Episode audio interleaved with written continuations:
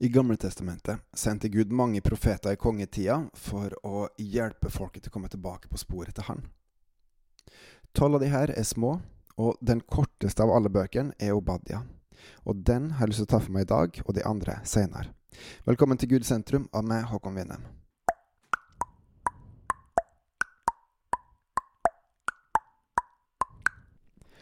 Obadias bok er kun på 21 vers, og dermed den korteste boka i hele Bibelen, faktisk. Samtidig så har den et veldig stort innhold, og dens hovedfokus er på Edom, eh, folkeslaget Edom, som er Esu sine etterkommere, som er Esu og Jakob, som var dattera til Isak og Rebekka, barnebarna av Abraham og Sara. Det store, store fokuset her er rett og slett at Edom fortjener straff for det de har gjort. Mot hvem? For hva? Kan spørsmålet være. Men legg i hvert fall merke til at Herren straffer, også mens historien pågår, ikke bare på Herrens dag, og at edomittene, de fortjener straff. Og I tillegg så er det som ved alle, eh, alt som Gud gir oss, det er både dom og frelse. Mulighet om dom og frelse. I tilfellet her så var det for seint, dessverre, for edomittene til å oppnå frelse. Litt eh, bakgrunnsinformasjon er at Obadja Obadia han var en profet som eh, var inne når Israelsfolket fikk straff fra Gud fordi at de hadde for, vært for ulydig mot ham.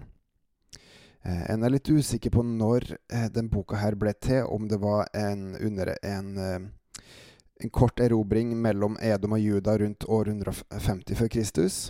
Men mest sannsynligvis så er også den boka her fra når eh, Juda ble Sørriket, ble tatt av eh, kong Nebukadnesar og bortført til Babylon i 587-86 før Kristus. Det som i hvert fall uansett er helt tydelig, er at det her er en profeti som, er, som kommer som en følge av hva edomittene, folkeslaget edomittene gjorde når Israelsfolket fikk en straff. Som vi i hvert fall kan lese andre plasser, så er det i hvert fall ved bortførelsen til Babylon, så fikk jødene en straff av Gud, og det var Gud som tilkalte andre folkeslag for å straffe jødene, israelsfolket. En ganske sjokkerende tanke i seg sjøl, hvis man ikke har vært borti det før, men Gud straffe, for han er en rettferdig Gud. Eh, Israelsfolket fortjente straff fordi de var urettferdige i sine handlinger. De behandla de svake, fattige, utstøtte eh, på en veldig dårlig måte. Tok seg slaver og ikke satt de fri, slik Gud hadde sagt gjennom Moseloven. Og I tillegg så var det ulydig mot Gud og sa at eh, det Gud hadde sagt eh, var rett, det var feil, og motsatt.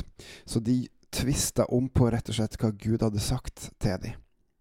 Og nettopp derfor så har Gud i flere hundre år sendt de profeter for å få det til å vende seg om, og det er noen få som gjør det, men stort sett, i hvert fall av kongene og litt av folket, men stort sett så har folk valgt å vende Gud ryggen.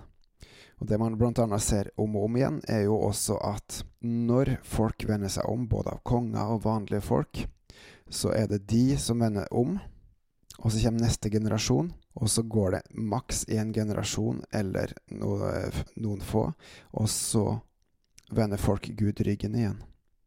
Så det er et eller annet i den der bibelske visdommen som forteller oss at tro er ikke arvbart. Tro må bygges. Vi selvfølgelig får tro av Gud, men det er den enkelte som må velge å tro. Og så er det den som tror sitt ansvar å gi troa videre, og ikke bare sitte og nyte den for seg sjøl og drikke kaffe i sofaen, men komme seg opp og fram og dele den, gi den videre, sånn at andre også kan oppdage Gud. At det går an å kjenne Gud, ikke bare tro på Han, men også kjenne Han. Og det er jo nettopp det som er det evige liv, Johannes 17,3, å kjenne Herren, og Han som Han har sendt, Jesus Kristus. Men tilbake til Obadia. Den her er altså skrevet rundt eh, sannsynligvis 587 for Kristus, når jødiske folket fikk en straff fra Herren og ble bortført til Babylon. Edomittene og jødene var opprinnelig brødre, for de var jo etterkommere av Jakob og Esau. Og slektsbånd er ganske viktig for folk. Eh, flest på den tida, så en skulle tro at edomittene var interessert i å komme jødene til hjelp i den situasjonen her eller i hvert fall eh, ha en viss medfølelse, eller vise medfølelse med dem. For jødene fikk en ganske hard straff. Men i stedet for å komme til hjelp, så deltok edomittene i plyndringa og erobringa av byen. De røva kostbarheter og de overga jøder til fienden. Og jeg kjenner også en bibellærer som heter David Paasen. Han har ved et tilfelle også sagt at edomittene hadde en forferdelig grusom måte å vise sin styrke over folk de hadde vunnet over. Eh, fordi at når de vant over noen, når de hadde inntatt noe, så brukte de gjerne å flå eh, mennesker levende og henge det på muren sin. Og så hadde de visstnok også gjort med eh, israelittene. Ok, Boka handler altså om, i 16 vers, at Obadia snakker til Edomittan, etterkommerne av Esau. Eh, det som, Bare for å friske opp litt i hva som hadde skjedd i forkant, så var det jo slik at Jakob han fikk først kjøpt seg førstefødselsretten til Esau, storebror sin. Det var jo alltid slik at den som var eldst, skulle få en dobbel del, og så skulle den yngste få en enkel del. Så i deres tilfelle, siden det var to søsken, så skulle de egentlig eh, dele arva i tre. Og så skulle eldstemann få en dobbeldel, og Jakob få en, en, eh, en enkel del. Men ved et tilfelle så kjøpte altså Jakob førstefødselsretten til Esau, og dermed fikk Jakob dobbeldel og Esau enkel del. Og ved et annet tilfelle så trodde faren deres, Isak, at han var i ferd med å dø, så han ville velsigne sin eldste mann, sin eldste sønn, før han gikk bort. Husk at velsignelse er ikke noen fine ord. Velsignelser, det er å gi noe fysisk omtrent til den man velsigner. Så Isak han hadde tenkt å velsigne Esau, sånn som Esau også forventa. Det var jo skikken, og det var det vanlige. Men kona til Isak, Rebekka, hun skjønte hva som var i ferd med å skje. Og hun hadde fått en, en, et kunnskapsord eller profetiord fra Herren når ungene ble født, og da fikk hun at den eldste skulle tjene den yngste. Så altså at Esau skulle tjene Jakob. Så av den grunn, sannsynligvis, så valgte mor Rebekka å, å, lure mannen sin, Isak, og hun sendte inn den yngste mannen, Jakob, eh, forkledd som Esau. Og så fikk Jakob alle velsignelsene til Esau, de som Esau egentlig skulle få. Og når Esau kom tilbake, så ble han så rasende og fortvilende at nummer én, han spurte far sin, har du ikke bare én eneste velsignelse til meg også? Og så svarer faren, nei, jeg har gitt vekk alle velsignelsene.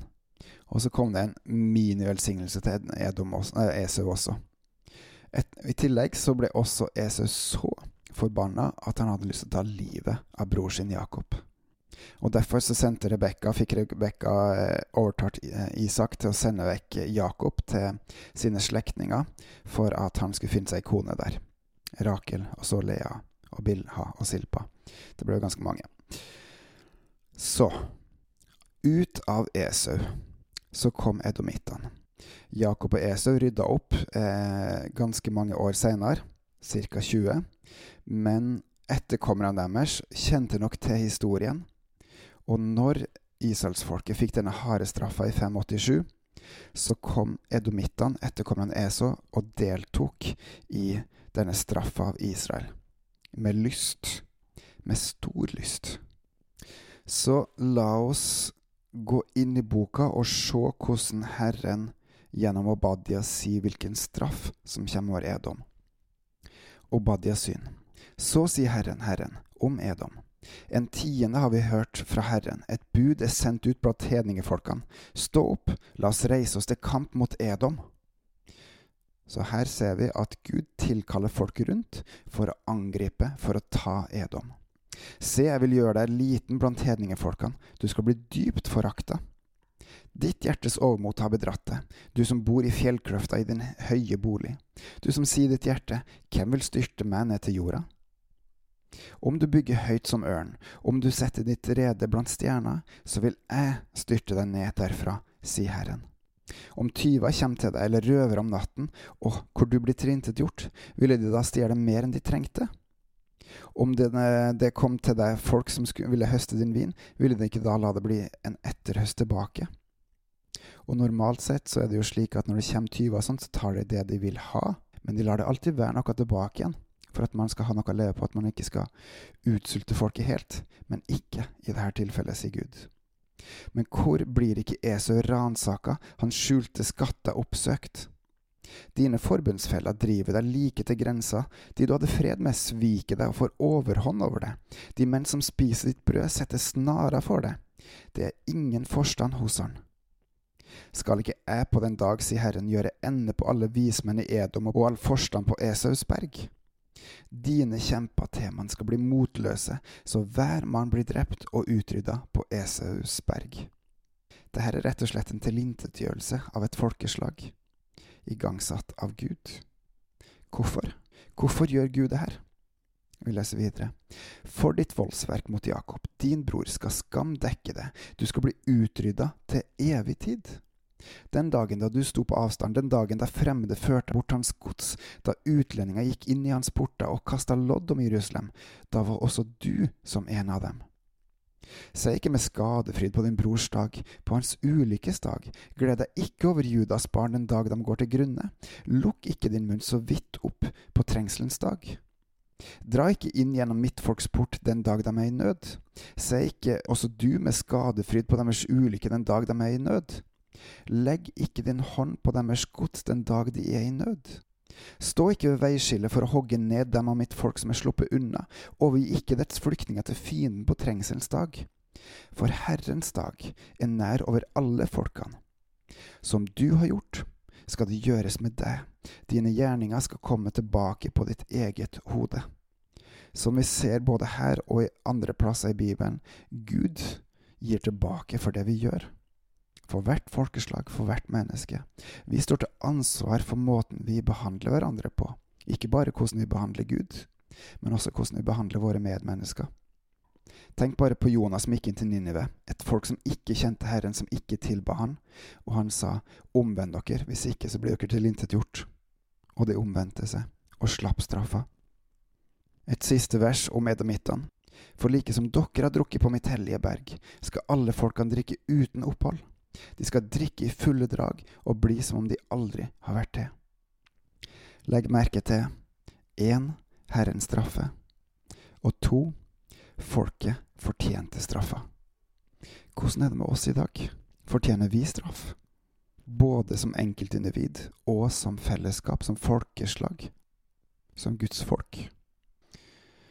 Gud er god, han er rettferdig, han er hevner, og han er forløser. Og på slutten av Obadias bok så kommer det også noen vers om håp, om frelse, om frihet. Men på Sionsberg, altså for jødene, der hvor jødene bodde, skal det være en flokk som har sluppet unna. Det skal være hellig, og Jakobs hus skal ta sin eiendommer i besittelse. Jakobs hus skal bli en ild, og Josefs hus en flamme. Og Esaus hus skal bli til halm, og de skal sette ild på det og fortære det. Det skal ikke bli noe tilbake av Esaus hus, for Herren har talt. De som bor i Sydlandet, skal ta Esaus berg i eie. De som bor i lavlandet, skal ta Filistrenes land. Og de skal ta Efraims land og Samarias land i eie, og Benjamin skal ta Gilead. De bortførte av denne Israels hær skal ta kanoneernes land helt til Sarepta. Og de bortførte fra Jerusalem, de som er i Sefarad, skal ta Sydlandets byer i eie. Her sier altså Gud at i framtida så skal jødene få komme tilbake og ta landet sitt tilbake. Kanans land, det lovede land, det som Gud har lovt dem at de skal få, og beholde hvis de følger Han. Det gjorde de ikke, og mista det, men Gud sier at enda en gang skal de få lov til å ta det landet her i eie. Og siste vers. Redningsmenn skal dra opp på Sionsberg og dømme Esausberg. Og riket hører Herren til. For hvem er det som har all makt i himmelen og på jorda, som har skapt alt og alle, og som regjerer over alt og alle, og som har myndighet og makt til å gjøre absolutt det han vil? Men velger å holde ham tilbake, sånn at mennesker sjøl skal velge om jeg vil følge han eller ikke, av kjærlighet. Jo, det er Herren som har denne makta, og som gjør det på den måten han vil, etter det som er rett og rettferdig pluss av hans enorme nåde, hvor han ser en nåde til hver og en som omvender seg til han, og velger å følge han. Det folkeslaget, eller han eller hun, skal bli rikt velsigna av Herren. Det største er faktisk å kjenne Han. Dernest er de andre jordiske velsignelser som Han gir. Og så har vi et oppdrag om å gå ut med evangeliet, for at flere skal få lov til å ta del i denne rikdommen. Straffa kommer til hver og en som er opprørsk mot Gud, og som behandler sine medmennesker umenneskelig. rikdommen, velsignelsen, frelsen kommer til hver og en som av et helt hjerte omvender seg til Herren og følger Han. Valget er vårt, dom eller frelse, bare nå også med hjelp av Den hellige ånd, for å kunne klare det, for å oppnå det. Takk, Herre, for at du er en rettferdig Gud. Takk for at du har sendt oss din ånd. For at vi ikke skal være alene, men for at vi, bare ved trua på Jesus, skal få lov til å ta imot din gode gave, både å kjenne det, og at du bor i og virker i oss og driver fram helliggjørelsen, for at vi og andre rundt oss skal få lov til å komme hjem til deg på den siste dag. Halleluja. Amen.